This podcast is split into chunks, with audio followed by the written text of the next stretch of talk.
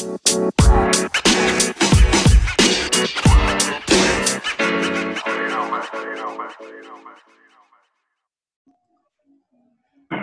lu masih dengerin podcast Kepo Kepo Kepo episode 30 dan ini masih di seberang sana nih ada teman gue yang kalau internal joke teman-teman gue nih dipanggilnya Tuhan.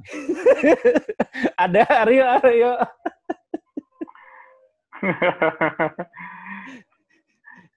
Lo, tapi lo enggak nggak sih kalau kayak Takis, Binyo kan manggil lo Tuhan, tapi lo enggak nggak sih dengan panggilan itu? Tina juga. Iya. Si Rimang juga kadang. Tapi gue nggak tahu sih alasan. Itu lucu aja gitu. Iya, iya. Kalau itu dari Twitter sih gue iseng-iseng.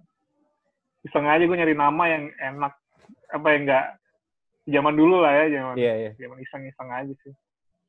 Terus bagi mereka mungkin menarik kali ya udah ya nggak masalah sih gitu.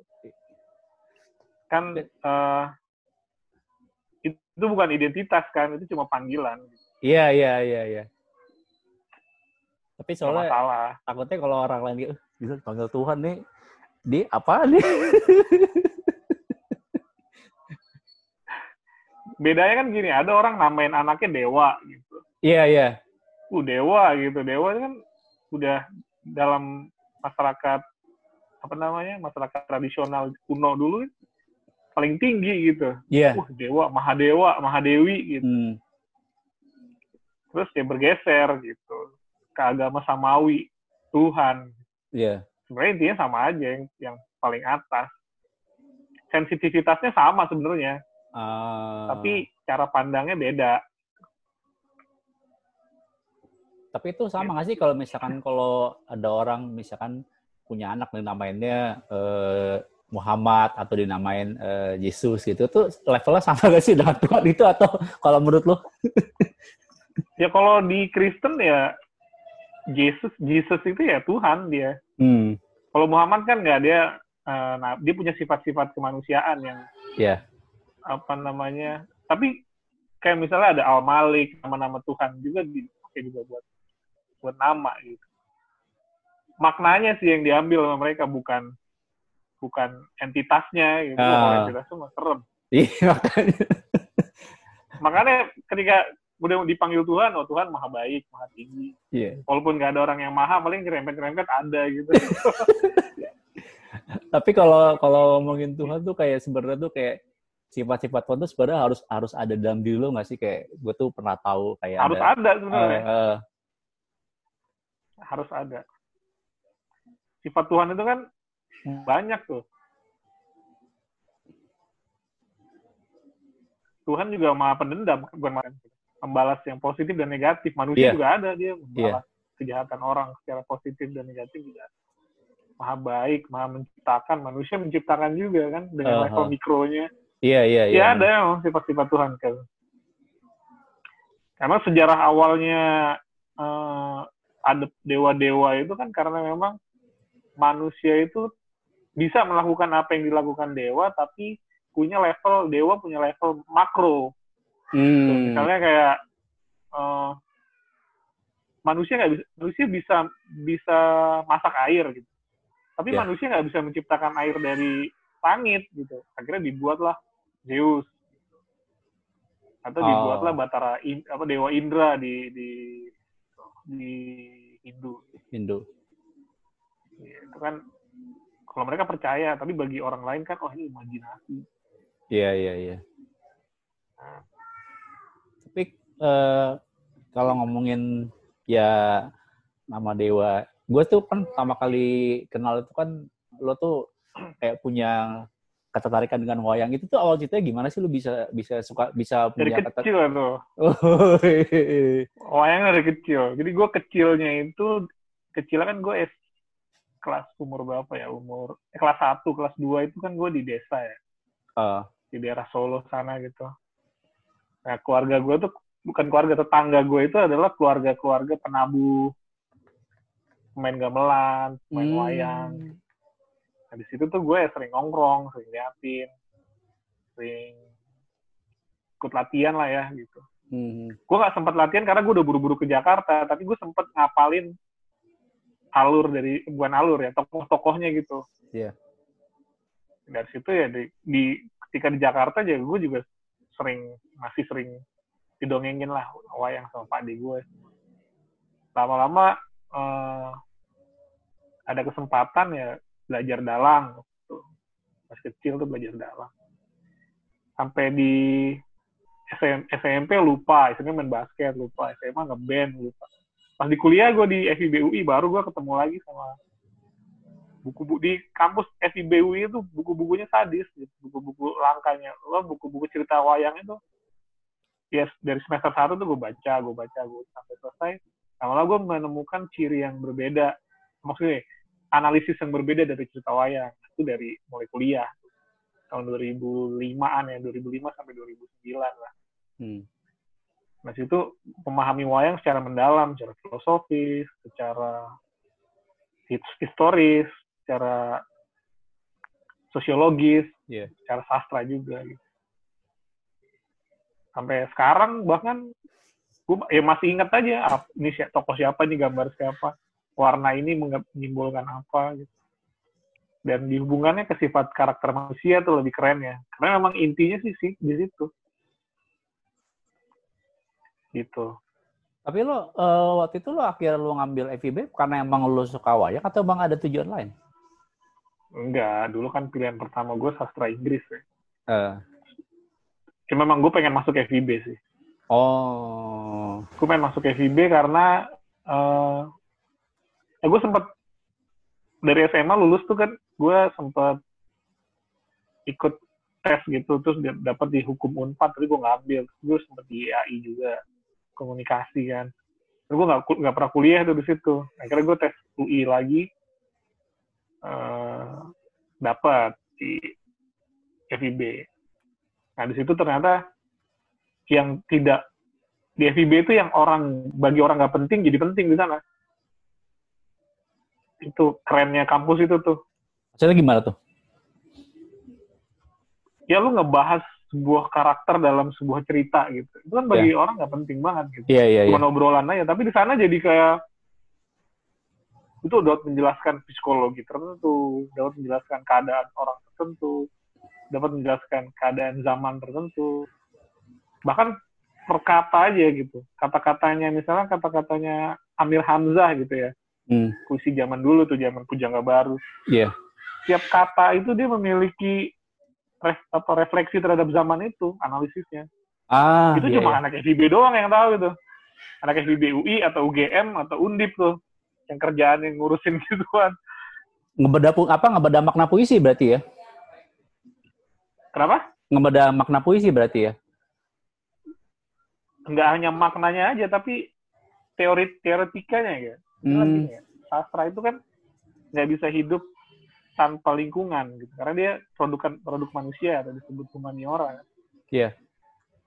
dia kan di apa namanya dia eh, ketika kita membedah sebuah karya karya itu dibuat tahun berapa terus ada konteksnya maknanya maknanya apa terus dia menggunakan jenis bahasa apa Eh, itu akan menjelaskan ini orang apa tokoh ini tuh tokoh di dalam cerita ini dan pembuatnya ini punya orientasi apa gitu pada saat itu. Kayak Pram gitu misalnya. Pram kan anti ini dia anti metaforik. Ah. dia anti yang membual-bual gitu. Iya iya iya iya. karena dia realis gitu. Dia menceritakan apa yang dia, di, di apa yang terjadi pada manusia gitu. Itu disebut dengan realis. Nah itu mewakili eh, mewakili ideologi komunis gitu. Karena dia kan komunis lekra kan. Iya. Nah itu Pram Pramudiana Tatur tuh di situ dia mainnya. Makanya karyanya mudah dibaca. Beda sama kalau lo baca sebagai Sastrowardoyo atau Hmm. karya-karya yang um, atau apa namanya uh, karya-karya yang agak ke barat-baratan gitu ya. Ada metaforik maknanya yang tersembunyi kalau Pram anti itu. Dia nggak mau gitu. Bahkan Pram itu meng- mengatakan wayang.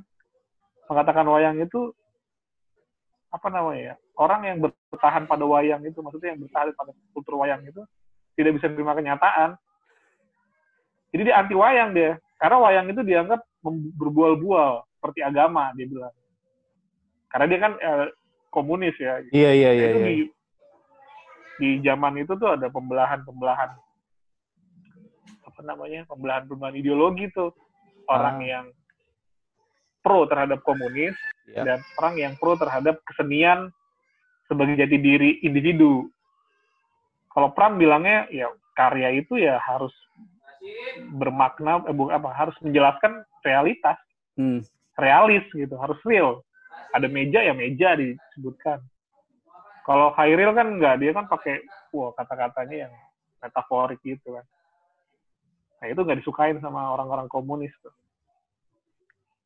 Makanya Termasuk- dulu, sorry, makanya dulu eh, zaman Soekarno kan antara Lekras sama Mandi Kebu tuh mereka kelas ya.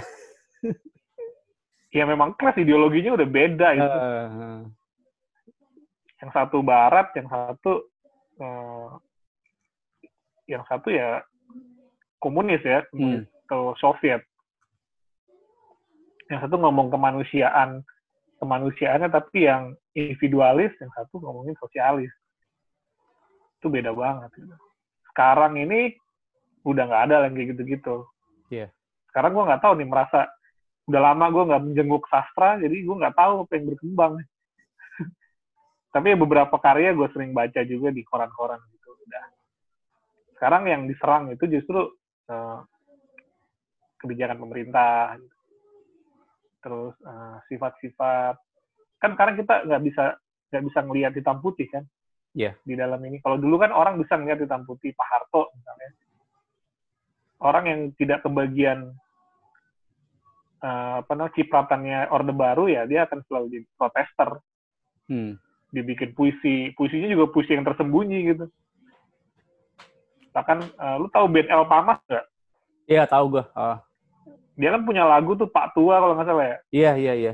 Pak Tua itu kan sebenarnya nyuruh apa nyuruh Pak Harto turun sebenarnya Hmm. liriknya cuma dia nggak nyebut Pak Harto bentonya Iwan Fals itu bahkan semua kesenian nggak ada yang berani frontal ngomongin Termasuk W.S. Rendra ya.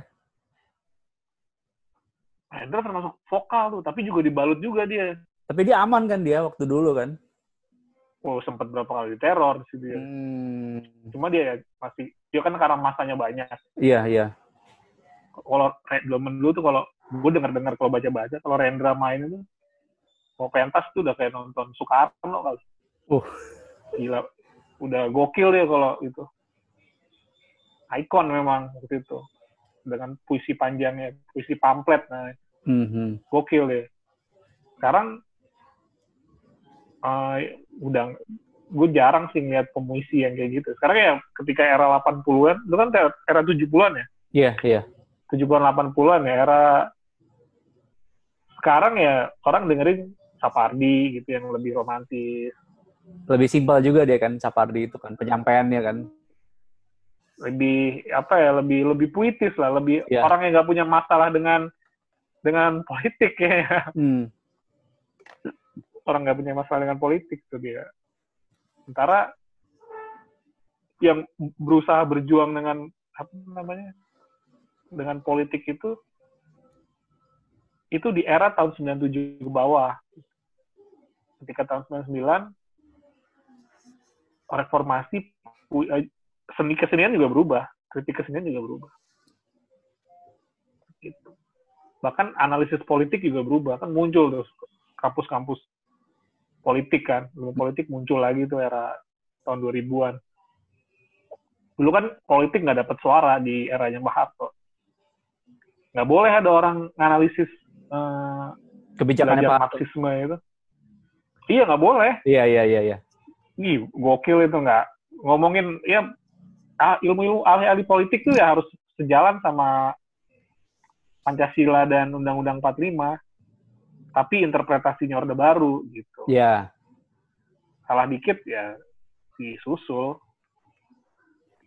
Kan banyak kan yang udah kesusul gitu. Nggak boleh nggak boleh ada nggak boleh ada yang melebihi apa apa namanya ke- ke- melebihi politik orde baru pada saat itu. Sekarang zaman ini udah akan ke situ lagi. Apa namanya kita melihat eh, zaman ini tuh udah mirip-mirip ke orde baru tapi balutnya demokrasi. Nah itu lu ngeliatnya kalau bilang mirip-mirip kayak Orde Baru sebenarnya dari sisi uh, eksekutifnya apa dari sisi legislatifnya sebenarnya? Sama. Sama. Tahun 2015 eh tahun 2014 kita masih bisa melihat wah ada oposisi yang kuat, ada pemerintah yang kuat gitu. Oh Tapi iya iya. bagi bagi apa dalam dunia ilmu politik multi partai itu atau banyak partai itu nggak sebenarnya nggak nggak enak gitu buat pemerintah karena pasti pemerintahnya itu minoritas. Kayak PDIP kan suaranya cuma 20 persen. 80 persennya itu kan milik partai yang lain gitu. Iya. sehingga dia harus membaginya membaginya dengan partai-partai yang eh, mau diajak kerjasama. Hmm. makanya dia sama Golkar temennya Golkar memang selalu dia ada di pemerintah ya. Walaupun awalnya oposisi pasti dia akan ke pemerintah. Dari dulu kan Golkar kan. kemudian sekarang iya. Jadi dia akan membagi eh, persentase itunya kue demokrasinya itu ke orang-orang ke apa nih orang-orang yang ada di partai yang dianggap bisa bekerja sama kayak sekarang kan yang di, tidak diajak kerjasama kan PAN eh, PKS. PAN PKS dan Demokrat Iya. dan mereka kecil gitu Iya iya iya. iya. karena mereka kecil, karena mereka jadi oposisi kecil, Nah tadi kan lu bilang eh, kayak PAN, PKS, Demokrat itu kan emang dia oposisi yang kecil sementara kan oposisi yang gede ini udah join ke pemerintah nih. Iya sisanya kan koalisi ya, koalisi pemerintah. Iya. Ya mereka bagi rata lah, bagi rata, bagi rata kebijakan, bagi rata apa namanya, bagi rata semua Hmm. hal yang bisa dibagi gitu. Kelihatan sih dibagi-bagi menteri awalnya. Iya. Itu awal banget itu pasti dibagi-bagi menteri, jabatan-jabatan tinggi.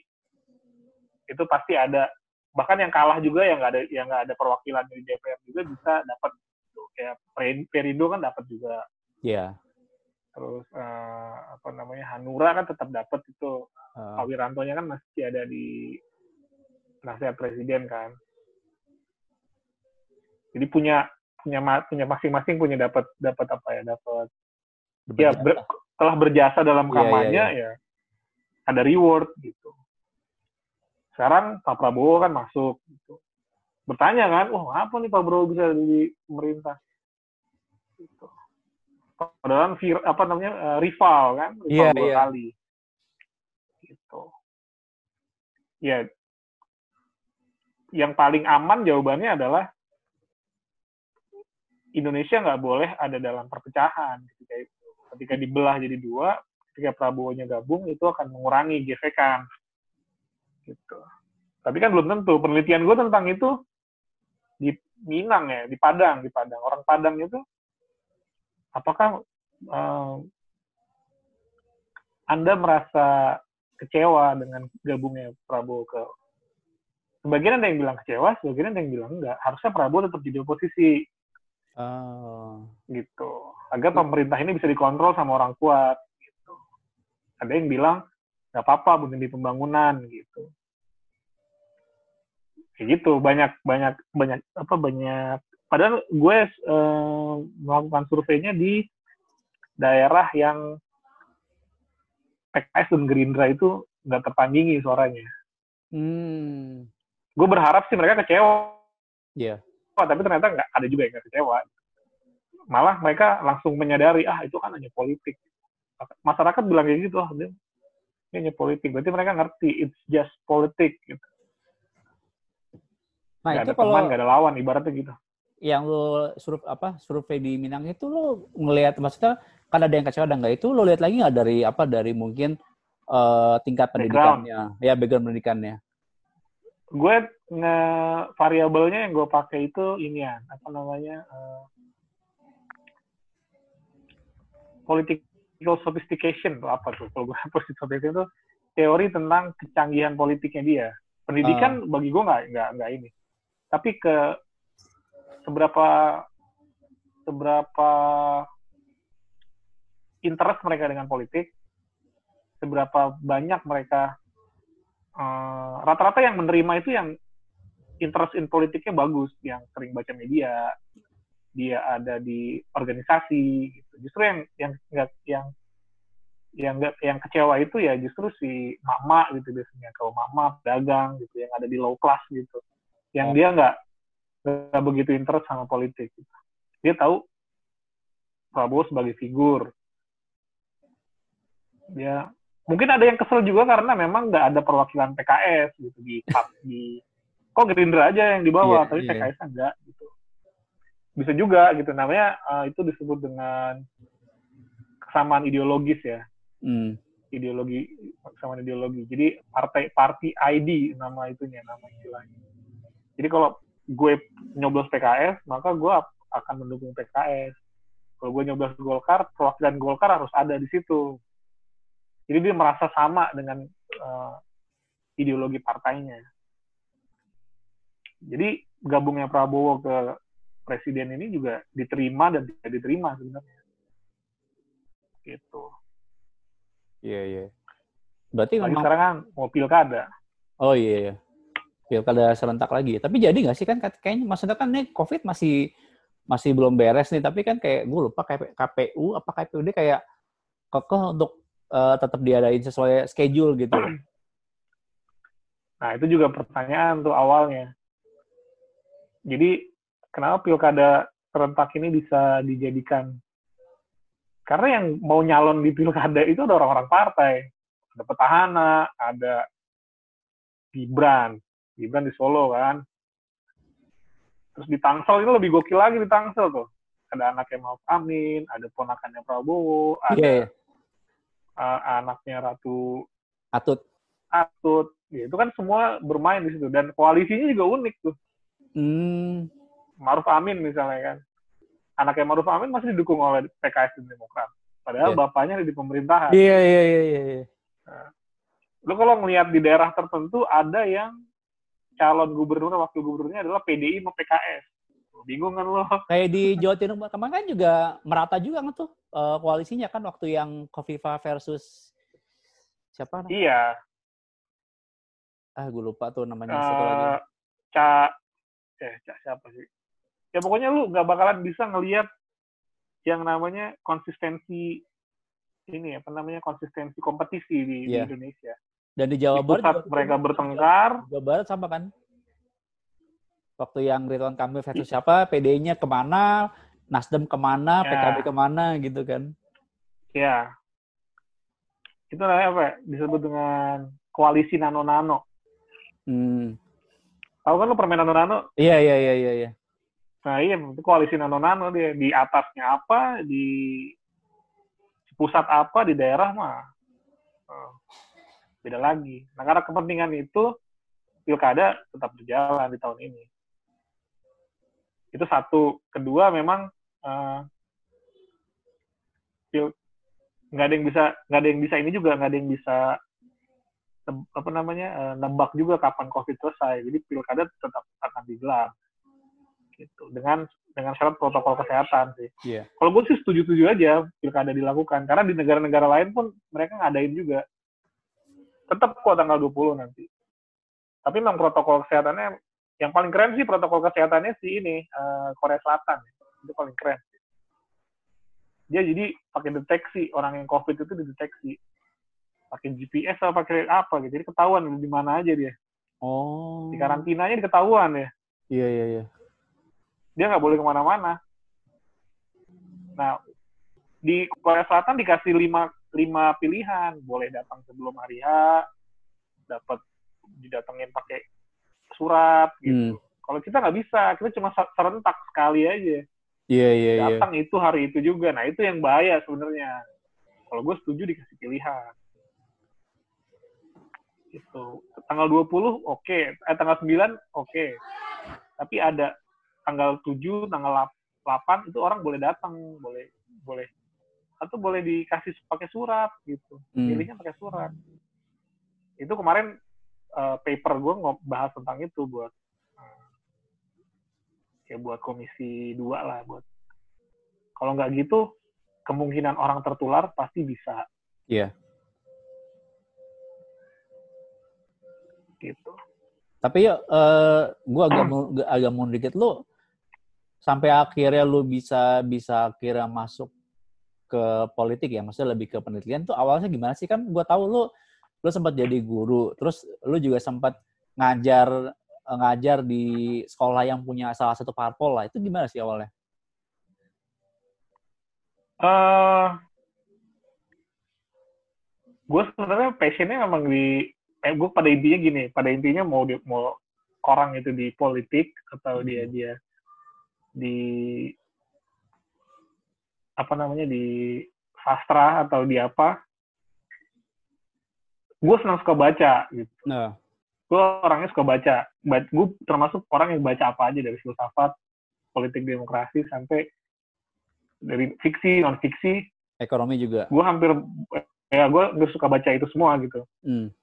waktu gue dihabiskan buat itu. Ketika gue mau itu tuh pas gue lulus kan gue ngambil sempat ngambil sosiologi kan. Karena gue aku tertarik nih sama dunia dunia apa namanya kemasyarakatan gitu yeah. karena di sosiologi itu ada sosiologi politik ah nah ada sosiologi politik itu lebih lebih orang apa orang berada dalam lingkungan politik tuh kayak gimana gitu mm -hmm di masyarakat partai, tadi partai I, partai ID, kenapa orang kenapa orang bisa begini, kenapa orang bisa kenapa orang dukung Prabowo, kenapa orang dukung Jokowi. Yeah. Kenapa orang ribut gitu, kenapa orang gak ribut, kenapa orang santai. Itu di sosiologi politik tuh. Ternyata ada psikologi politik lagi. Nah, gue ambil gue belajar tuh. Lu bayangin aja, gue kan anak IP, uh, eh, anak sastra, nggak pernah yang namanya ketemu namanya statistik ya. Iya. Yeah tapi di situ gue langsung dalam waktu dua minggu eh, dua minggu sampai tiga minggu lah gue belajar statistik fokus akhirnya gue statistikal banget orangnya jadi gue bawa gitu jadi wah ternyata ada ada ada saintis di apa ada kehidupan saintis di di anak-anak sosio, sosiologi gitu. Iya, iya. Nah, gue perdalamin, perdalamin lagi dengan ilmu politik. Hingga akhirnya gue ada kesempatan ngelamar uh, itu tetap itu sambil ngajar gue sebenarnya hmm. ini sambil ngajar tuh gue udah nulis nulis gitu nulis nulis uh, bikin bikin jurnal bikin bikin bantu bantu penelitian teman gue yang tentang politik begitu di gue ambil ilmu politik buat teman gue ternyata ada yang DPRD ada yang sekarang ada di ada yang gubernur ada yang ketua DPRD Jambi ada yang ada yang macem-macem gitu ternyata wah politik praktis dan akademik itu dunia berbeda gitu. Iya yeah, iya. Yeah. Akhirnya gue memutuskan untuk ah, mau jadi mau jadi researcher ah gitu. Gue mencari tempat yang tepat. Akhirnya ada ada lowongan tuh PNS gitu, di DPR. Ya gue ikut aja. Ternyata gue masuk gitu dari berapa ya dari 30-an orang kali ya. Ternyata ya udah. Akhirnya gue nggak menyesali apa yang pernah gue pelajari karena memang ketika gue gue lebih lama belajar politik loh daripada belajar sastra. Oh gitu? Iya. Tugas akhir tugas akhir gue di sastra juga ada hubungannya sama politik. Terus, sosiologi gue belajar kan. Mm-hmm. hampir berarti hampir gue dua S2 gue dua kali berarti. Tapi sosiologi gue belum lulus sih sebenarnya. Gue cuma belajar ambil ilmunya tapi gue lebih passion di uh, di apa di ilmu politik ya. Wah ternyata uh, ya gue ngajar gue ngajar. Ngajar itu bagi gue nggak terlalu beban. Guru itu mengajari apa yang dia udah tahu gitu. Iya. Yeah. nah itu gue nggak senang di situ. Lu ngajarin lu katakanlah ngajar tentang kultur gitu. Tentang kultur budaya. Itu kan yang gue baca silabusnya ini. Gue transfer ke anak-anak gitu kan. Hmm. udah tahu gitu. Gue udah tahu. Gue nggak nggak dapet ilmu lagi gitu. Mentok nah itu kan gue sampingan gue makanya gue sekolah S2 kemudian uh, penelitian penelitian kecil. Baru sekarang penelitian besarnya gitu yang langsung berhubungan sama uh, sistem. Yeah. berhubungan sama sistem karena gue bekerja untuk sistem kan. Sistem gitu. yang membuat undang-undang lagi kan? Iya, orang-orang yang akan milih, orang-orang yang akan menentukan undang-undang yeah. dengan lingkup nasional gitu. Uh. RUU PKS gitu misalnya, kenapa dia nggak bisa ini? Wah, itu mungkin kita tahu apa yang terjadi gitu, tapi publik mungkin nggak boleh tahu gitu. Jadi kadang-kadang beritanya apa di luar, tapi kenyataannya di dalam gitu karena gue di dalam sistem gitu kan nggak begitu gitu cuman gue nggak punya nggak punya uh, keberanian bukan keberanian nggak punya wewenang untuk kasih tahu gitu karena itu kan wewenang yang anggota anggota DPR iya yeah, iya yeah. Tapi kan bukannya kalau misalkan uh, dalam membuat undang-undang deh lama atau enggak kan kayak di dalamnya sendiri kan kayak tarik menarik kepentingannya juga gede juga kan makanya yang bikin molor itu bahkan iya. sampai akhir periode juga nggak tahu undang-undang kan sempat berapa kali kejadian tuh. Ada yang cepet banget, ada yang lambat banget, ada yang bertahun-tahun. Nah, yang lambat itu karena memang uh, ya itu dia berat dia substansinya berat hmm. atau substansinya nggak penting jadi nggak perlu dibahas uh. ada yang punya kepentingan di setiap pasal iya yeah. fraksi yang punya kepentingan di setiap pasal gitu ada yang uh, memang karena ber, apa tumpang tindih atau tabrakan dengan uh, undang-undang lain apa undang-undang yang lain gitu makanya pemerintah ini bikin omnibus law kalau omnibus law udah dibuat, artinya udah disepakati oleh DPR dan pemerintah, nanti itu undang-undang yang kuat gitu. Undang-undang itu akan malah jadi orang pada kontra loh dengan omnibus law itu loh. Ya omnibus omnibus law cipta kerja itu memang akan uh, ada yang pro dan yang kontra kalau gue yeah. bilang. Yang pro itu rata-rata ya pengusaha. Hmm. Yang kontra itu ya buruh. Udah itu di di mana pun pasti gitu uh. di dunia mana pun gitu. Sayangnya di sini nggak punya partai buruh kan. Di Inggris ada partai buruh. Dulu sempat ada deh kayaknya kan partai buruh kan. Tapi kayak hilang gitu aja partai. 99, 99. Iya, iya, 99. Dilahap sama PDIP sama Golkar. Uh. Karena partai buruh kurang ideologis gitu. gitu. Jadi kalau disebut dengan partai semuanya gitu hmm. partai nasionalis semuanya itu ya semuanya. Itu bayangin deh, apa bedanya PDIP sama Golkar secara ideologis? Bandingin sama Partai Demokrat sama Republik di Amerika, yeah. bedanya jelas. Jelas iya iya. Republik itu kalangan pengusaha yang yang pro apa namanya pro dalam negerinya gitu, hmm. produksi dalam negerinya. Demokrat sebenarnya orang yang liberal, pro LGBT lah, pro yang pokoknya kemanusiaan lah. Iya, iya. Golkar sama PDIP sama Demokrat, Nasdem itu nggak ada bedanya. Mereka Pancasilais semua. Iya, iya. Mereka juga mendukung partai buruh, eh, mendukung orang buruh juga, mendukung petani juga. Jadi sama apa yang mau apa daya jualnya kan, apa yang apa apa keunikannya lah ibaratnya gitu. Walaupun PDIP gitu. mereka punya jargon kayak mereka tuh pro wong cilik, tapi kayak kurang kuat nggak sih kayak secara implementasinya gitu? ya memang di di ini PDIP di di tingkat bawah juga kuat gitu. Uh. Mereka juga uh, ada apa namanya ada ada gerakan gitu. Yang namanya tukang bakso itu tuh semuanya merah gitu. Iya yeah, iya. Yeah. ada gerakan di situ. Kader-kadernya banyak yang main di wilayah itu. Uh. Golkar pun sama, Wong cilik juga mainnya walaupun di atasnya elit semua gitu kan. Iya iya iya iya. iya. Usaha semua. Ya semuanya main di Wong Cilik juga, main di ulama juga, main di uh, persatuan guru, enggak oh, persatuan guru sih enggak, persatuan buruh juga. Uh. Jadi semua gitu, semua partai, semua ini. Orang juga, nah yang membedakan itu tokoh di sini. Nah, kadang toko itu kadang yang, yang apa yang itu yang kayak jadi jualan utama loh. Tapi gue nggak tahu ya di apakah di luar negeri juga misalkan Inggris atau Amerika mereka jual tau atau enggak. Tapi kan di Indonesia kayak Soekarno bener-bener wah di ini banget. Terus dulu partainya berkarya Soeharto sempet gitu loh. Kayak toko tuh kayak di PKB misalkan Gus Dur kayak toko tuh kayak jadi nilai jual supaya yeah. orang tertarik gitu loh.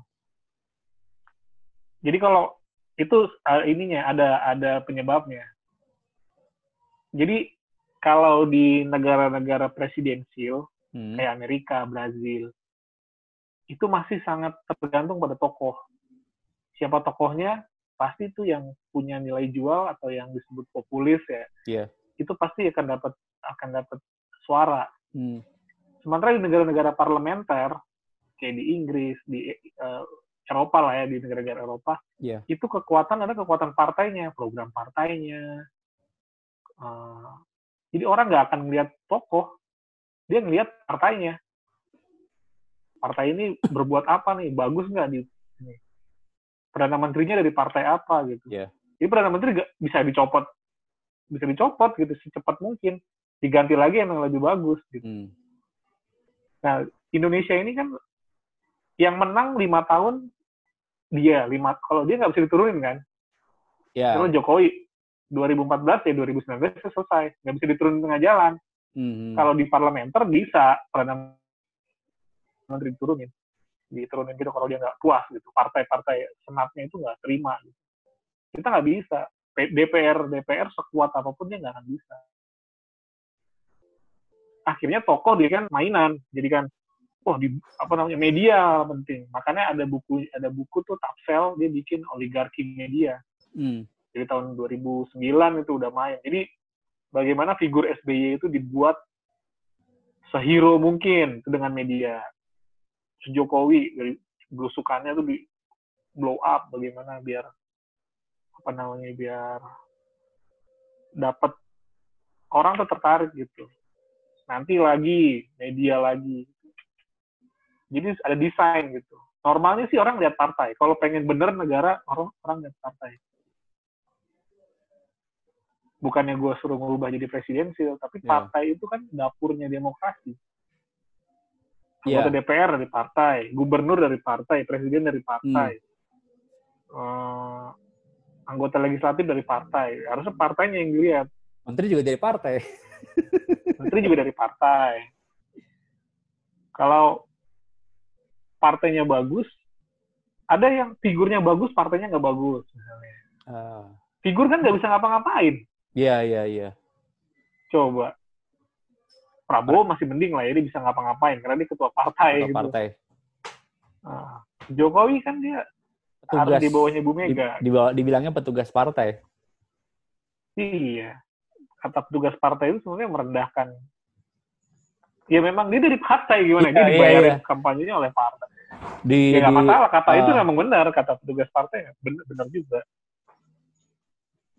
Akhirnya kan eh, ini dipertanyakan, wah sehebat apa ini?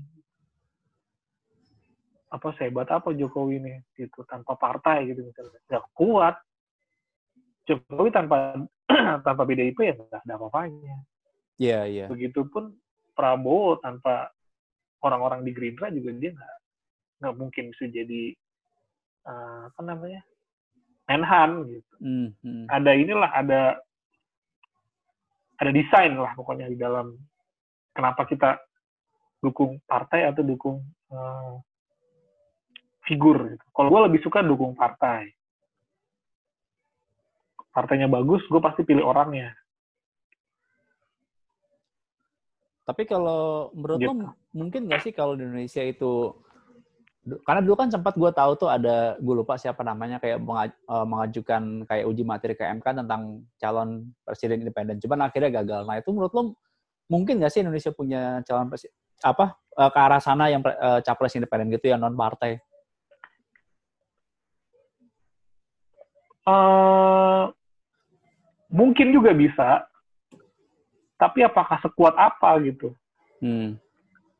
Sekuat apa seseorang itu bisa meneri, bisa mendapat dukungan independen dari tanpa saluran gitu. Iya.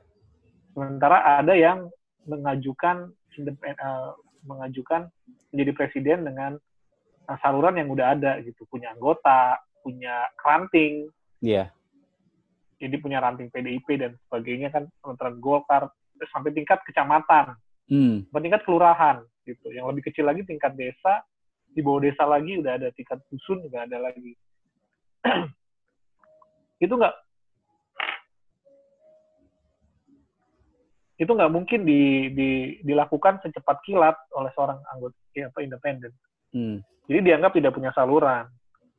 Gitu. Dianggap akan menghilangkan efektivitas gitu. Gitu. Jadi apa namanya? eh gue tetap setuju dengan dari partai politik. Tapi para politiknya harus benar. gitu. karena partai politik ini adalah pemegang kekuasaan tertinggi,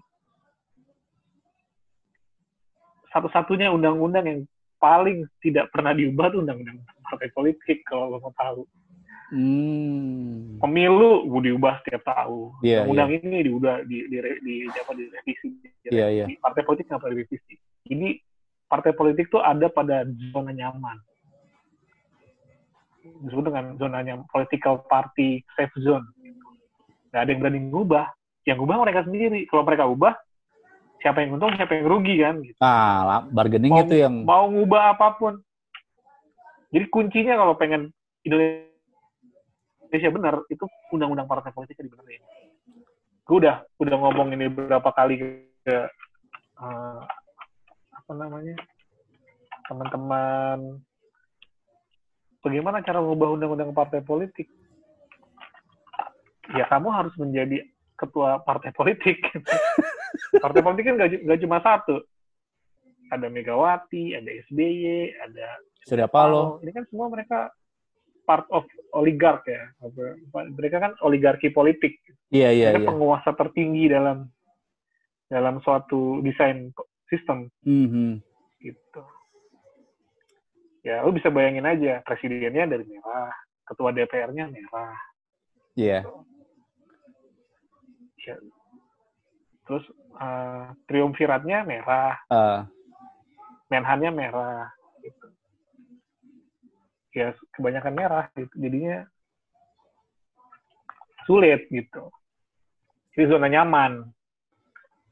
Itu bisa kayak gitu karena emang aja. Itu sorry yo. Itu kenapa banyak merah? Karena emang itu efek dari penerapan dari undang-undang parpol itu akhirnya jadi kayak gitu. Gue soalnya belum belum pernah baca bukan. undang Kalau itu memang dia menang, oh. Jokowi menang, iya iya. Presidennya menang Hmm, gitu. hmm, hmm. ketika presiden menang ya presiden kan eksekutif. Eksekutif menerima anggaran untuk Iya. melaksanakan undang-undang. Eh, otomatis APBN ada di tangan dia dia bisa mengalokasikan dana gitu. mengeksekusi dana lah mengeksekusi budget budget negara Iya. ngatur ini ngatur ini ngatur kesehatan ngatur ini itu kan duit semua artinya itu wah terus wah ini jumlah sekian triliunan kan Iya. ya orang-orang di ya pengen lah melakukan itu juga ya Hmm, akhirnya hmm. ya udah gue dukung deh tapi gue dapat gitu jadinya begitu karena itu udah enak makanya gue bilang tadi ya kalau itu tidak diubah undang-undang parpolnya banyak perintilannya sih ada sekitar gue kemarin nulisnya itu hampir 32 poin yang gue gua gue yang gue gue baca ya yang itu tiga eh, tiga dua itu perlu direvisi kalau menurut lo iya perlu ditegaskan lagi, perlu Oh. ditegaskan dan perlu direvisi dan perlu dilakukan lagi. Kayak misalnya contoh, pemilihan ketua partai dilakukan secara demokratis. Iya. Misalnya ketua partai secara demokratis. Itu kan wilayah partai ya. Iya. Coba lu lihat sekarang, ketua partai politik kita sekarang ini, mana yang lu pikir dipilih secara demokratis? kayaknya nggak ada deh Contoh, PDIP kan partai keluarga. Iya. Ya, dari dulu kan Megawati aja. Iya. Demokrat gitu juga Demokrat Masa sekarang. sih? ya Demokrat sekarang ikutan. Iya. Nasdem baru mulai. Dia dia karena dia pemilik modal, Hmm. dia yang menguasai itu. Ah. Golkar mungkin Golkar mungkin oke lah, dia lagi ada ada kubu-kubu ya di, di Golkar. Iya. Di PDIP juga ada kubu-kubu gitu, tapi Megawati kuat. Ah, ada yang emang Jadi bisa ada. ah, bisa mempertegas nggak boleh ada nggak boleh ada faksi di dalam partai gitu ya. Harusnya nggak ada, tapi sekarang banyak banyak faksi. Hmm. Partai-partai zona tengah gitu kayak misalnya kayak PKS, PAN, NU gitu. Hmm. mungkin dia ada mungkin ada pergantian gitu tapi kan dia eh, apakah iya demo demo apa demokratisnya itu melibatkan seluruh anggota Susah juga ya. itu sebenarnya ada pemilu juga di dalam partai Ah, iya pemilihannya. Ah. ah, ah. tapi lagi-lagi ya kekuatan duit juga yang bermain siapa yang kuat karena ketua partai biasanya dapat enak gitu misalnya contoh Golkar Erlangga kan ada di menteri perdagangan. Sekarang Menteri Perekonomian lagi. Eh Menko dia Menko. Menko Perekonomian loh. Itu posisi paling vital. Oh, iya itu. Paling vital tempatnya Luhut. Oh iya. Nah itu dia investasi gitu. Iya, iya investasi. Investasi. Itu yang lebih vital. dia mengatur flow uh, investasi apa aja yang masuk. Uh, termasuk omnibus law itu kan sebenarnya dari desain dari investasi. Hmm. Tapi kalau ngomongin uh, apa ya pemilihan partai secara demokratis ya, gue contoh yang yang mungkin gue sempat amatin tuh kayak PKS lah. Itu kan mungkin ya akhirnya kan yang nyebabin Anies Mata sama Fahri Hamzah uh, cabut dari PKS, mereka bikin apa gelora, mungkin karena emang nggak puas dengan faksi yang ada di dalam PKS itu sendiri kali ya. bisa juga gitu. Ya kan konflik juga kan si yeah. Fahri Hamzah yang ketika digugat itu kan dia dapat yeah. 30 berapa 30 miliar tuh dia menang tuh Hamzah. Mm -hmm. Konyol juga gitu. Harusnya kan dia, dia dipilih rakyat bukan dipilih partai. Iya. Yeah. Nah, jadi dia minta diturunin kan ya nggak bisa. Itu tetap walaupun dia uh, dikeluarin dari partai itu tetap tetap jadi anggota DPR karena dia ketika jadi anggota DPR tidak partainya yang dicoblos tapi Fahri Hamzahnya yang dicoblos ya dia melihat itu udah dia udah konflik di pengadilan gitu udah hmm. akhirnya ya kalau misalnya udah ribut gitu buat apa lagi dipertahankan di partai itu hmm. akhirnya Anies Mata juga termasuk orang yang disakiti juga di situ iya iya iya, iya. bikin partai sendiri walaupun itu berat gitu bikin partai kan gak semudah itu apalagi PKS yeah, yeah. yang tandingan desainnya PKS kan itu uh, partai yang grassroots kan itu. Satu-satunya partai grassroots di Indonesia tuh PKS ideologis tuh dia. Dia lebih grassroots dibanding PDIP kok lebih grassroots oh. loyalitasnya lebih gokil. Hmm. lebih gokil. Karena gini masanya masa eh, gini masanya dulu kan eranya Pak Harto orang-orangnya gol orang-orangnya PDIP itu adalah orang-orang Golkar. Orang yang kuning ibaratnya. Iya yeah, iya. yeah di Jawa itu kan kuning tiba-tiba tahun 99 97 98 ketika Megawati naik pakai pakai apa membuat dirinya sebagai terah Soekarno berubah jadi merah. Hmm. Ada perbedaan gitu, ada per, ada perbedaan. Apa yeah. namanya? Apa? Sementara PKS adalah orang-orang yang sembunyi ketika itu. Orang-orang Islam garis kanan yang sembunyi tiba-tiba ada reformasi ya udah kita suarakan dengan partai keadilan. Oh. ya udah. Baru jadi dia termasuk yang baru. Kan peringkat keberapa tuh? Dapat 9 persen ya? 9 persen loh partai baru waktu itu. Iya iya. Tahun 99 oh tinggi banget. Dia dapat angin angin baru. Sampai sekarang dia bertahan salah satu yang bertahan uh, di antara partai yang lain bulan bintang aja udah terseok-seok. Iya gitu. PKS masih bertahan di wilayah di angka 7-8 persen dia masih oke. Okay, gitu. Hmm. Ini dia punya masa yang kuat. Gitu. Dan karena dia yang sifatnya ideologis itu ada hubungannya sama agama dan keluarga, ideologi keluarga, itu yang disebut dengan partai masa depan. Makanya hati-hati kayak Golkar, PDIP harus hati-hati dengan persaingan ideologis. Maksudnya gini, PKS bisa jadi musuh mereka gitu jadi musuh karena mereka kan uh, kuat di jaringan iya yeah, iya yeah. mereka bisa mereka tidak mungkin ya satu keluarga itu memilih PKS semua tidak perlu dibayar hmm. tidak perlu ada mobilisasi uang gitu. sementara partai-partai lain menggunakan uh, uang, uang. dan ya untuk memobilisasi massa kan butuh uang Iya iya benar-benar. Sementara orang PKS itu ada isu Palestina aja ngumpul. Oh. Gila. Isu Palestina, isu 212 itu Iya iya gitu, iya, iya iya iya Itu apa namanya? ideologis gitu maksud gue. Uh, ideologi yang basicnya dari agama makanya langsung apa iya solidaritas apa solidaritasnya langsung kuat gitu ya tanpa harus dikasih mm -hmm. kasih kasih iming-iming uang atau benda apa pun itu ya iya orang kalau udah bicara agama nggak bisa lagi. Gitu. Iya, Makanya iya. yang salah satu yang petandingnya adalah NU. Hmm. NU tuh yang nandingin. Nah PKS ini kan ada di garis kanan, dia dia punya ya yang walaupun beda dengan Hizbut Tahrir ya, tapi Iya. loyalitas agamanya sama gitu, mirip. Gitu. Hmm, hmm. Uh, apa religi religious loyal, loyalty gitu. Hmm. Di- apa ada ada kemiripan gitu. Ya makanya kan kayak misalnya eh, ustadz-ustadz yang tidak ada di garis pemerintah itu kelihatan cara dia ceramahnya, cara dia cara dia ininya itu kelihatan. Ntar kalau misalnya ditarik ideologinya dia dekat sama orang siapa-siapa aja itu kelihatan. Gitu. Kan emang NU Muhammadiyah gimana? iya kan kan juga politik juga butuh butuh figur ulama juga kan buat buat apa istilahnya buat ya semacam buat narik masa lah ya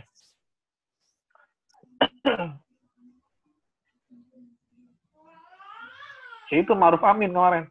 hmm Maruf Amin kan diambil kan buat meredam itu. Ternyata memang bisa, bisa meredam sedikit. sedikit Hmm. Tapi kan Maruf Amin kan nggak masuk ke wilayahnya yang Islam kanan tadi. Dia dianggap sebagai NU gitu. Oh iya iya iya NU. Tapi ya kalau kita ngomongin partai juga nggak bisa juga karena PDIP sama PKS juga temenan di salah satu pilkada tertentu. hmm Gue lupa dari di mana- daerah mana gitu. PDI sama PKS dia join berdua, lucu kan. itu kan balik lagi ke Jadi apa ada kepentingan di di tiap daerahnya kan kayak gimana kan Iya.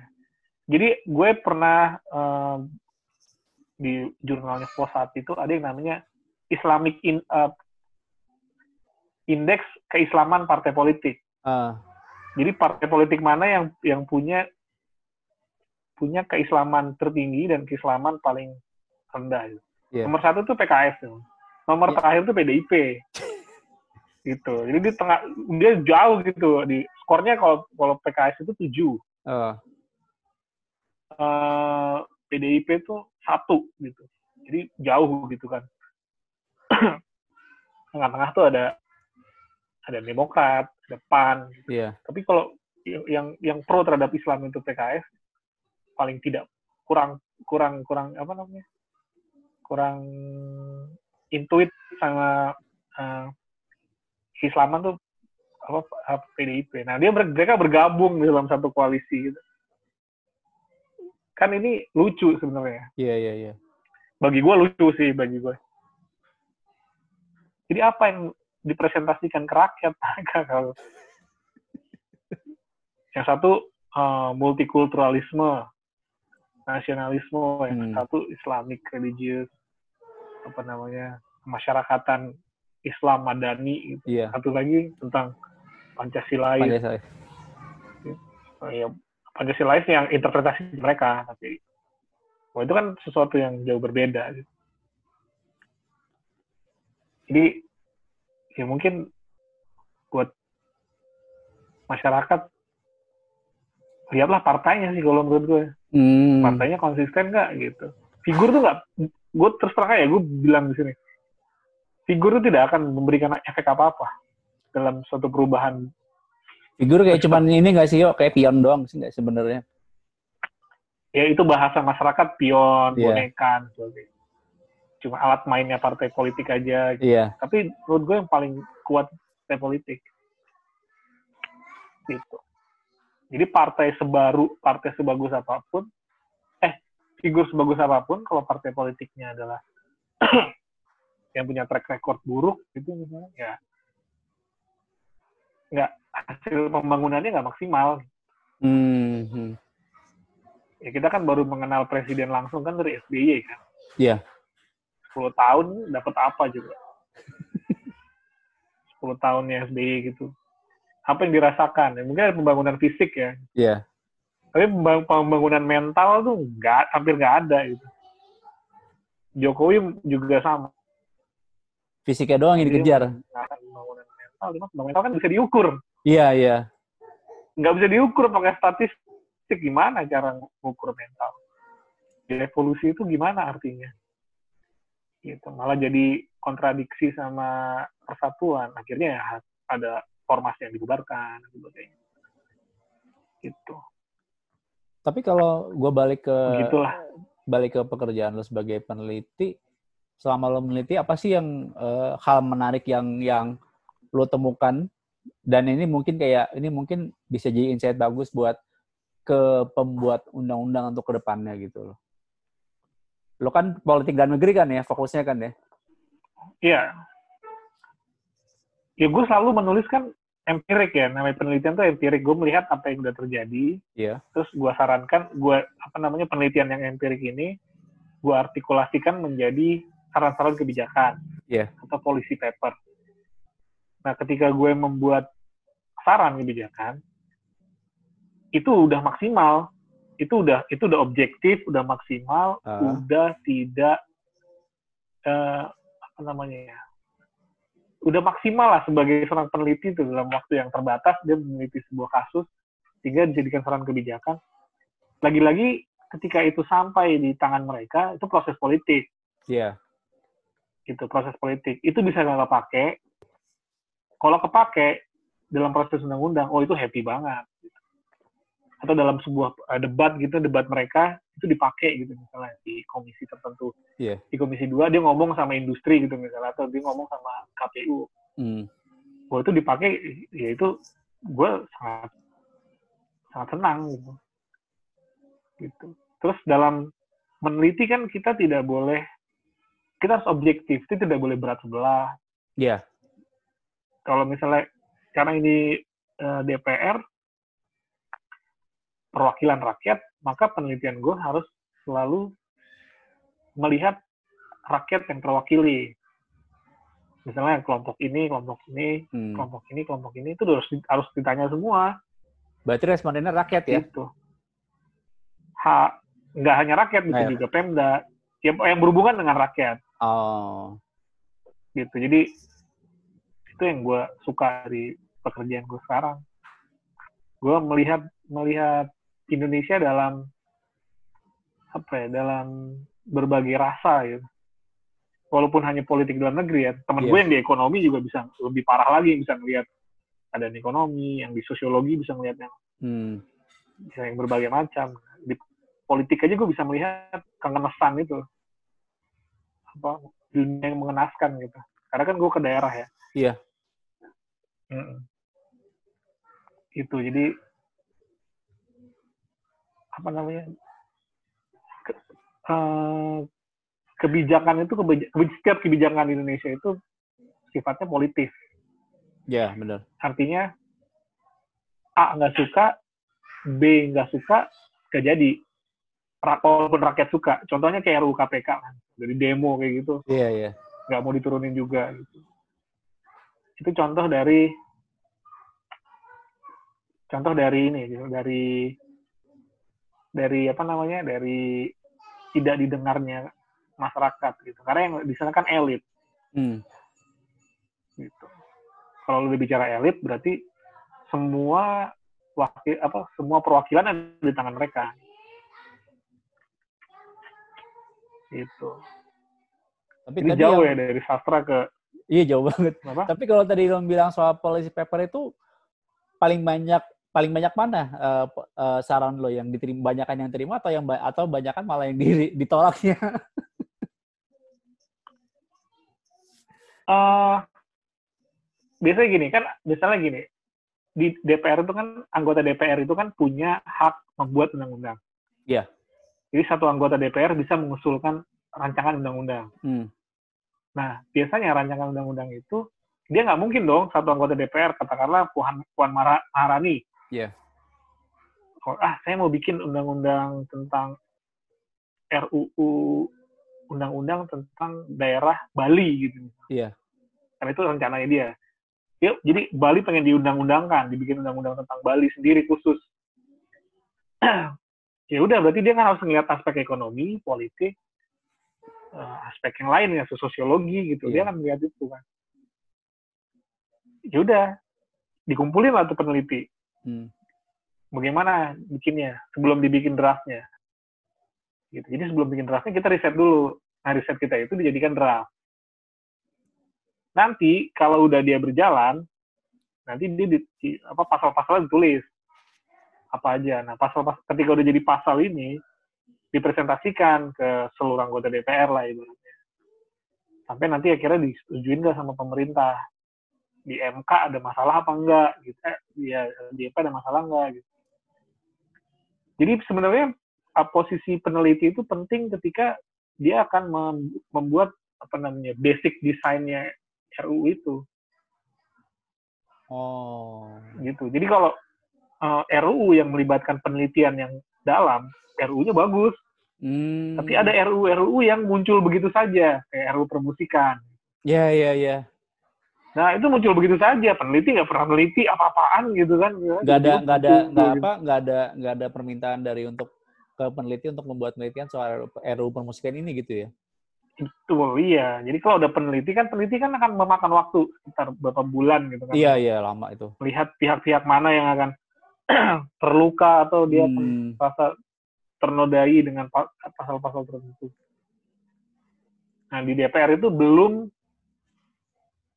uh, pembuat kebijakan itu belum apa namanya menyadari pentingnya uh, undang-undang berdasar, berdasarkan riset atau data. Yeah.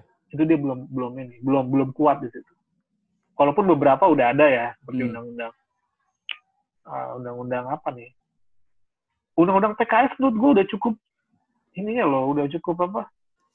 Uh, datanya udah cukup mantap itu, tapi tiba-tiba diturunkan. Karena itu pertanyaan besar juga. justru undang-undang KPK ini yang nggak dapet yang gue nggak tahu dari mana. Ada lagi undang-undang HIP, haluan ideologi Pancasila ah, iya, yang itu, ramai di demo habis-habisan. Itu juga kontroversi itu di Iya itu itu karena yang buat anggota partai hmm. dia mengajukan itu dan itu kan tiba-tiba udah jadi aja gitu. Iya. Harusnya kan itu di tempat gue, karena itu persoalan dalam negeri kan. Iya iya iya. iya. Ideologi itu. Nah di tempat gue nggak nggak ada yang ikut. Baru sekarang diterlibatkan karena udah udah BPIP. Hmm. Gitu. Ya, jadi sekarang sekarang lagi bahas uh, kita lagi lagi ramu itu undang-undang itu. Tapi kok di, di kayak apa di yang sempat demo kok dibilangnya bakal jadi komunis Maksudnya kok bisa bisa jadi multi tafsirannya bisa jadi ke sana gitu loh. Kan di situ ah ini kalau dipan, kalau dibahas panjang ya, Iya, ya. Tapi intinya intinya intinya intinya nggak boleh ada yang mengubah ideologi Pancasila dan TAP MPRS yang mengatakan bahwa komunis dilarang itu nggak boleh.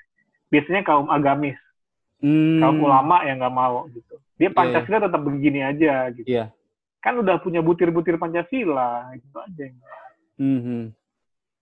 gitu aja butir-butir Pancasilanya itu dibahas lebih enak sebenarnya gitu dibanding bikin undang-undang tapi ya namanya keputusan politik ya yeah, yeah. ada baiknya juga ada baiknya ada kadang ada ada baiknya kadang juga ada buruknya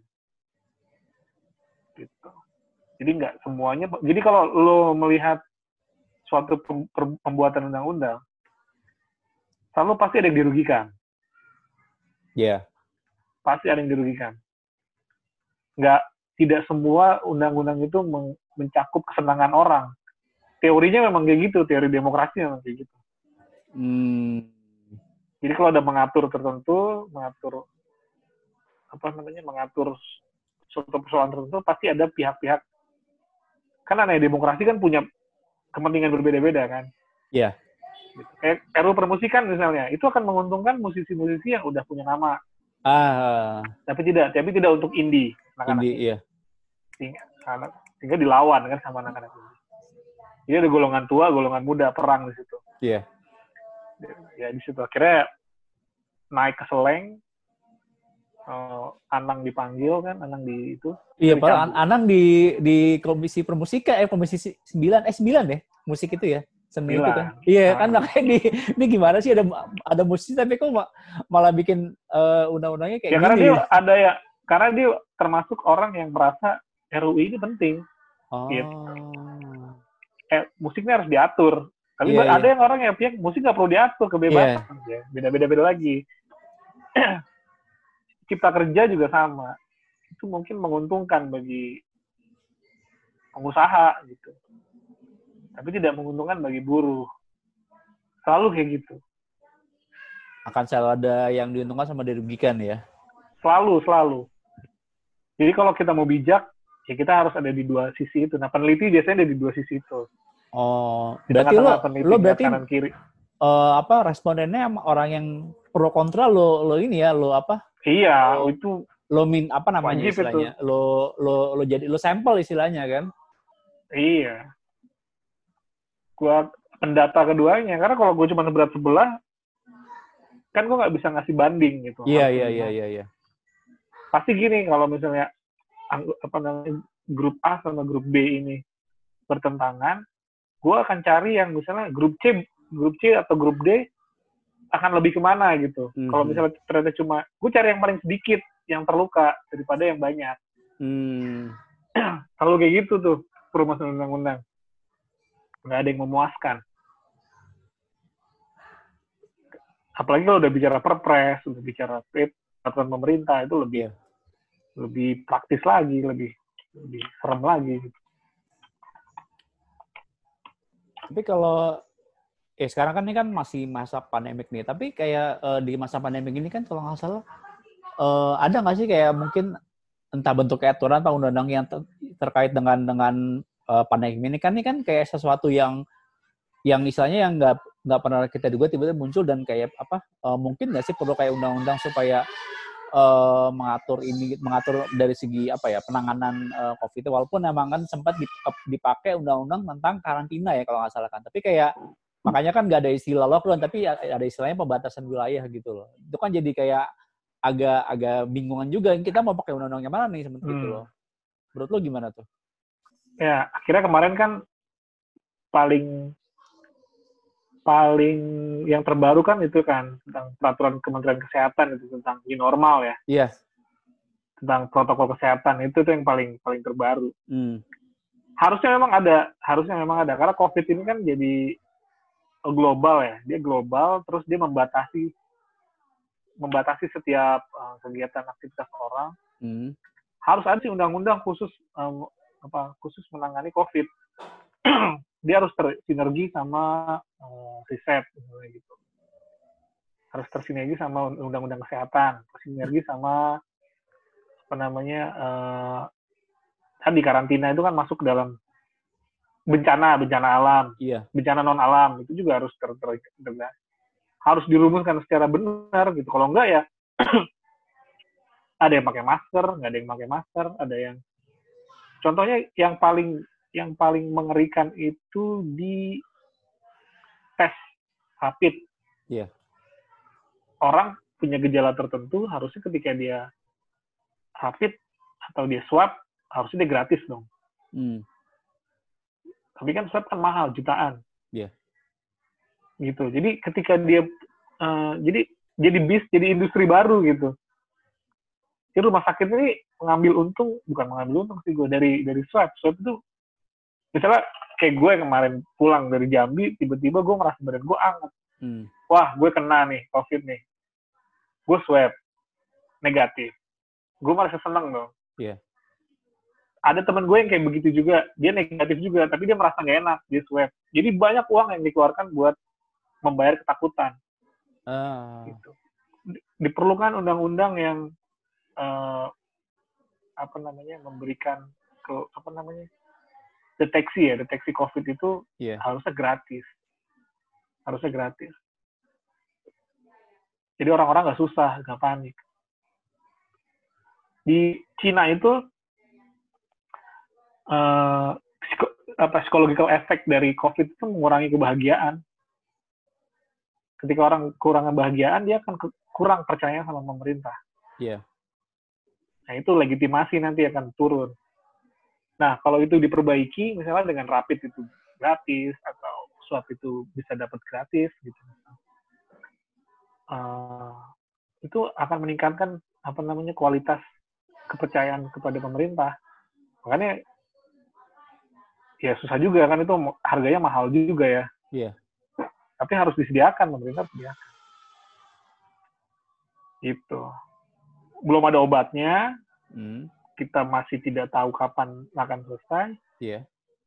Tapi orang yang udah rapid, yang udah swab itu ngantrinya minta ampun. Hmm, benar-benar. Jadi kalau lo ngeliat di rumah sakit rumah sakit yang mau tes swab itu gila lo semuanya. Banyak banget. Karena Ada kayak panik mereka. mungkin kayak lo kayak pulang dari kota, gue angkat, oh jangan gue kok covid nih, udah gue tes gitu kan. Iya. Gue satu orang gitu. Kalau yang berapa orang, 30, 40, 50, kayak gitu semua. Padahal dia nggak COVID. Gitu. Iya, iya, iya. iya. Ketika, ya gitu kan. Jadi ada ada industri baru. Gue nyebut, ya, gue nyebutnya sebagai spill over of next normal. Jadi ada kelimpahan baru, tapi bukan di dunia ekonomi, eh bukan di dunia, di dunia perdagangan, Hmm. tapi di dunia, bukan di dunia fashion, bukan di dunia musik, tapi di dunia pengobatan. Itu tadi eh, kepanikan adalah komoditas. Gitu. Makanya itu ya waktu Kalau di... misalnya, Kenapa? Lanjut, lanjut. ya misalnya kalau gue punya rumah sakit aja, Ah, ya gue gue bikin aja tes swab di situ. Iya. Rumah sakit khusus tes swab gitu misalnya. Oh rame tuh dijamin. Udah kaya lah, udah udah kaya sendiri. Iya, iya, iya, iya. iya. udah kaya raya sendiri gitu. Karena orang panik, lu ke mana-mana pasti orang lihat panik. Iya, iya. gitu. Ada satu teman kita kan yang juga merasa dia ini. Oh iya, iya. Di IG-nya kalau lihat Ah, gua gua dia gua merasa sampai ini. sampai sampai gua sampai DM, DM juga tuh. Nah, kan. Mhm. Coba dia yang COVID. Dia kena COVID. Dia dia dia belum merasa dia merasa seperti kena COVID. Ah, Di rumahnya ada suaminya, ada anaknya, dan kak, ada ibunya. Itu disuap semua gitu. Berapa puluh juta dia keluar. iya. Udah gitu anaknya masih, anaknya sehat gitu. anaknya masih bayi lagi kan. Aduh. Ah, itu. Oh iya, panik kan itu. iya, iya, iya. ya gue support gue support gue gue yakin ini bukan covid gitu karena dari gejalanya bukan covid karena dia udah, di, udah dua kali kan di swab gitu. Kan kalau nggak salah tes keluar. pertama negatif, tapi kayak disuruh dia kayak suruh tes lagi di rumah sakit lain gitu kalau nggak salah. makanya gitu ya ngetes kan kurang ajar Iya, iya, iya, ya, iya. ngetes kurang Di ajar situ kayaknya si apa kayak sisi kalau bahasa gue sisi komersilnya gitu ya. nah itu dia spill over tuh Hmm. keberlimpahan baru di dunia bisnis kesehatan ya itu nggak disadarin gitu orang bayar aja yang penting gue sehat gitu Mhm. Gitu. Itu ya kan sama, harus hati-hati juga itu sama kayak di awal ketika awal covid tuh apa tiba-tiba orang pada jualan masker lah, terus tiba-tiba jualan termogan. nah itu itu sama tuh. Toto gila masker gitu kan masker jadi lima ribu, gue bilang kampret banget nih. Biasa gue cuma sepuluh ribu gitu. Iya lah itu wah memang dunia ekonomi turun tapi enggak di dunia kesehatan enggak Iya iya iya. maju iya. dia di dunia kesehatan. Apalagi kan dana covid kan enggak kecil Hmm. dana turunan covid itu apa, rumah sakit rumah sakit yang melayani pasien covid itu kan dapat suntikan dana. Iya iya iya iya. Eh, petugas-petugas yang menguburkan orang petugas yang menguburkan apa namanya Jenazah, eh, jenazah yang covid. jenazah covid juga dia kan dapat insentif juga. Iya iya. Iya. Ya mungkin ada yang COVID, ada nggak, ada juga yang nggak COVID. Hmm. Tapi karena pakai prosedur COVID dapat gitu kan. Bisa terjadi gitu. Iya, Potensi iya, itu bisa terjadi.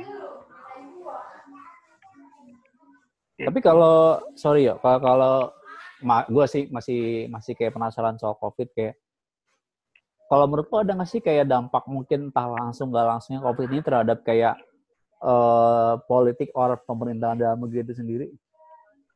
Ya itu tadi distrust Hmm. atau eh, apa namanya, tidak ketidakpercayaan atau ketidakyakinan terhadap pemerintah.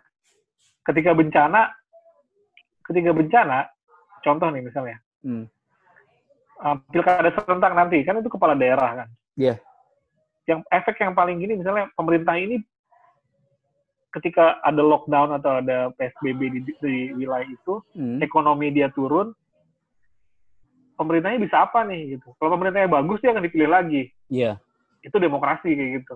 Eh, Kalau eh, pemerintahnya nggak ini ya ganti.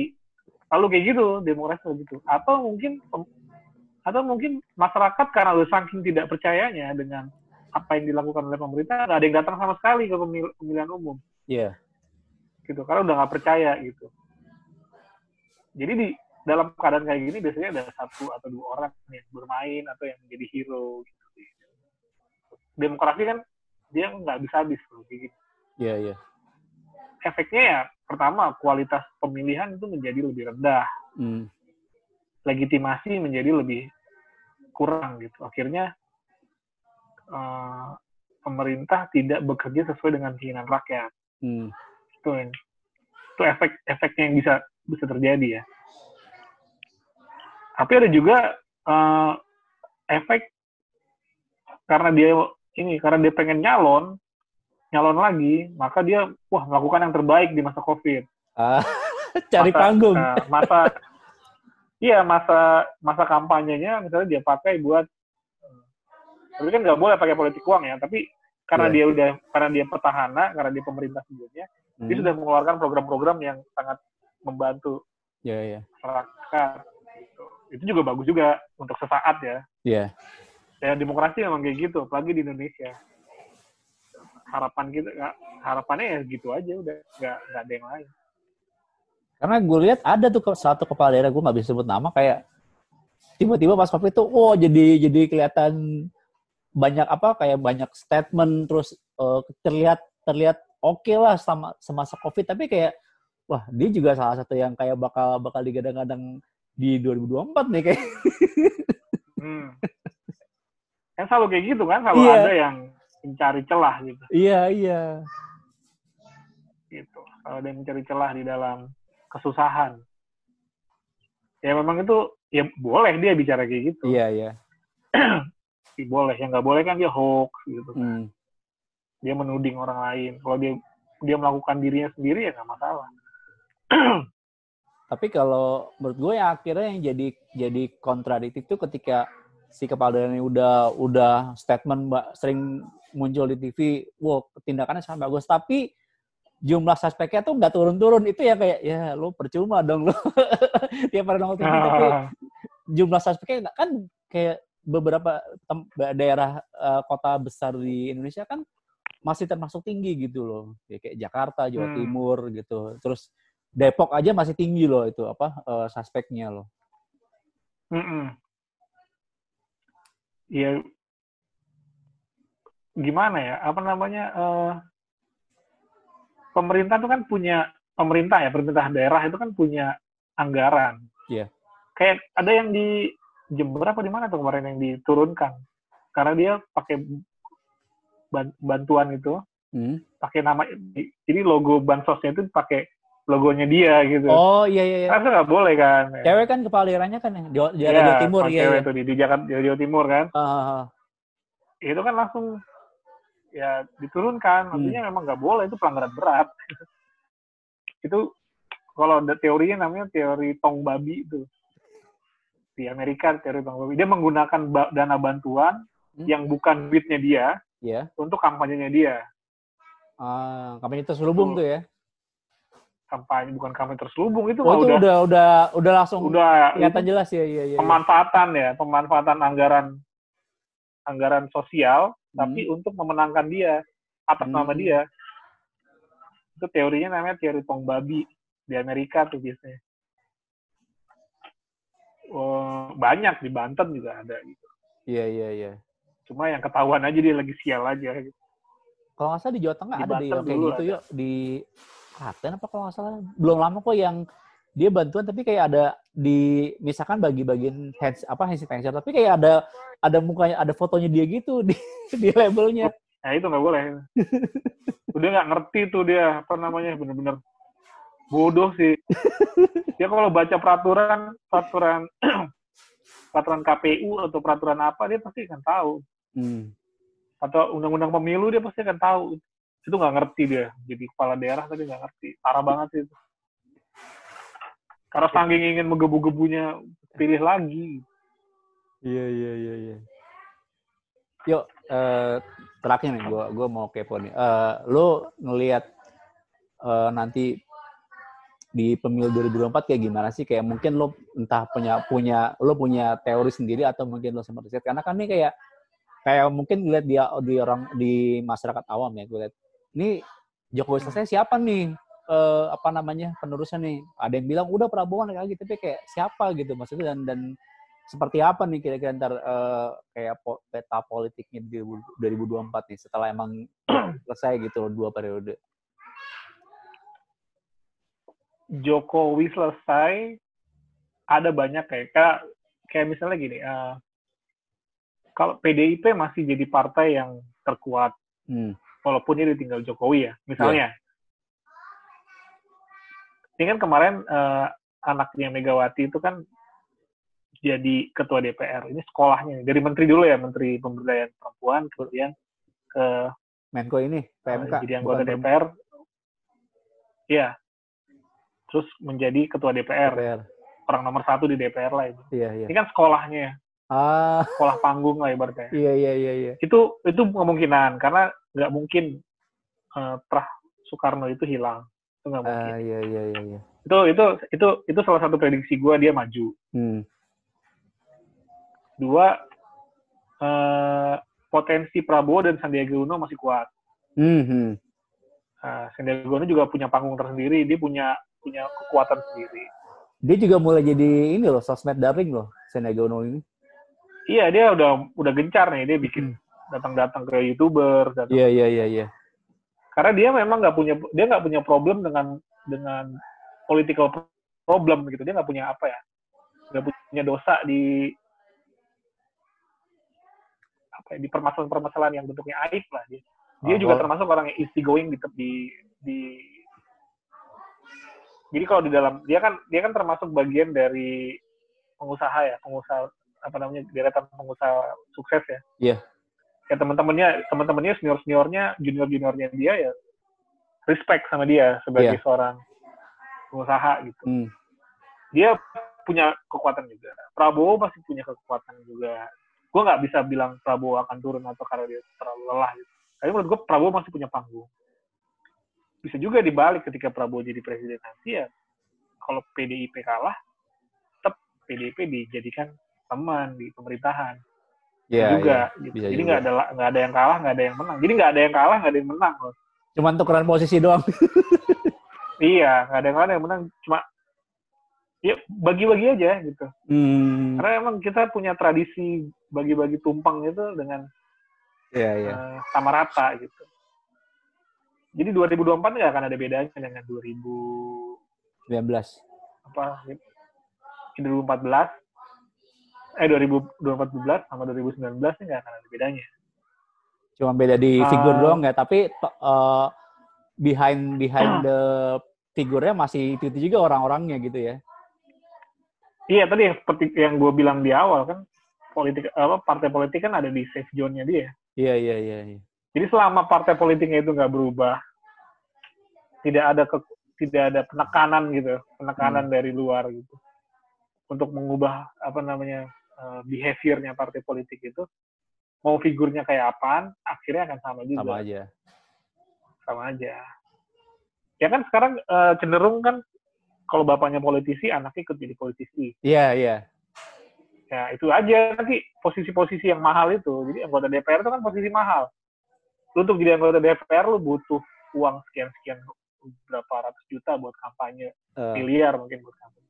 Jadi kepala daerah juga sama. Itu kan ongkos-ongkos mahal yang hanya dimiliki oleh eh, kalau nggak dia pengusaha kaya raya banget atau dia politisi yang udah eksis gitu eh, atau dia artis gitu. Ya gitu aja lingkarannya gitu aja. Jadi lu jangan berharap akan ada akademisi atau ada profesor yang bahkan menguasai DPR itu nggak mungkin. Atau ada ilmuwan keren gitu yang bahkan menguasai pemerintahan nggak akan. karena Itu tidak akan terjadi di Indonesia kurang dalam waktu dekat. kurang populer di mata partai gitu ya. Iya, Versinya ya, partai. demokrasi kan pilihan rakyat. Iya. demokrasi kan pilihan rakyat. Eh, rakyat itu banyak gitu. Ada yang bodoh, ada yang pinter, ada yang ada yang ya segala macam lah. Gitu. Gak ada apa-apa lah 2004 ya keributan keributan Islam kanan kiri masih ada, masih konflik uh, identitas masih ada muncul. Uh. Karena kan konflik identitas kita kan tidak benar-benar identitas. Ada kelompok tertentu yang didorong dengan modal tertentu yeah. untuk ngisuin ini. Ada buzzer yang didorong buat ya orang-orang yang tidak paham dengan politik biasanya kesulut. Hmm. Gue pernah ngomong ini di UIN gitu. Mereka nggak percaya kalau misalnya uh, apa namanya tingkat literasi media sosial itu dengan dia terbawa arus konflik dia baru setelah di Prabowo pindah sini baru baru nyadar bahwa politik just politik gitu nggak akan ada yang namanya hitam putih gitu. Uh, apa baru makanya ada ada jargon tuh nggak ada kawan abadi tapi kepentingan abadi yang ada. Oh iya, itu salah satu yang terkenal tuh. iya. Gitu. Iya, iya. Yuk, thank you ya udah mau ngobrol sama gue ya. Oke, sama-sama Riz.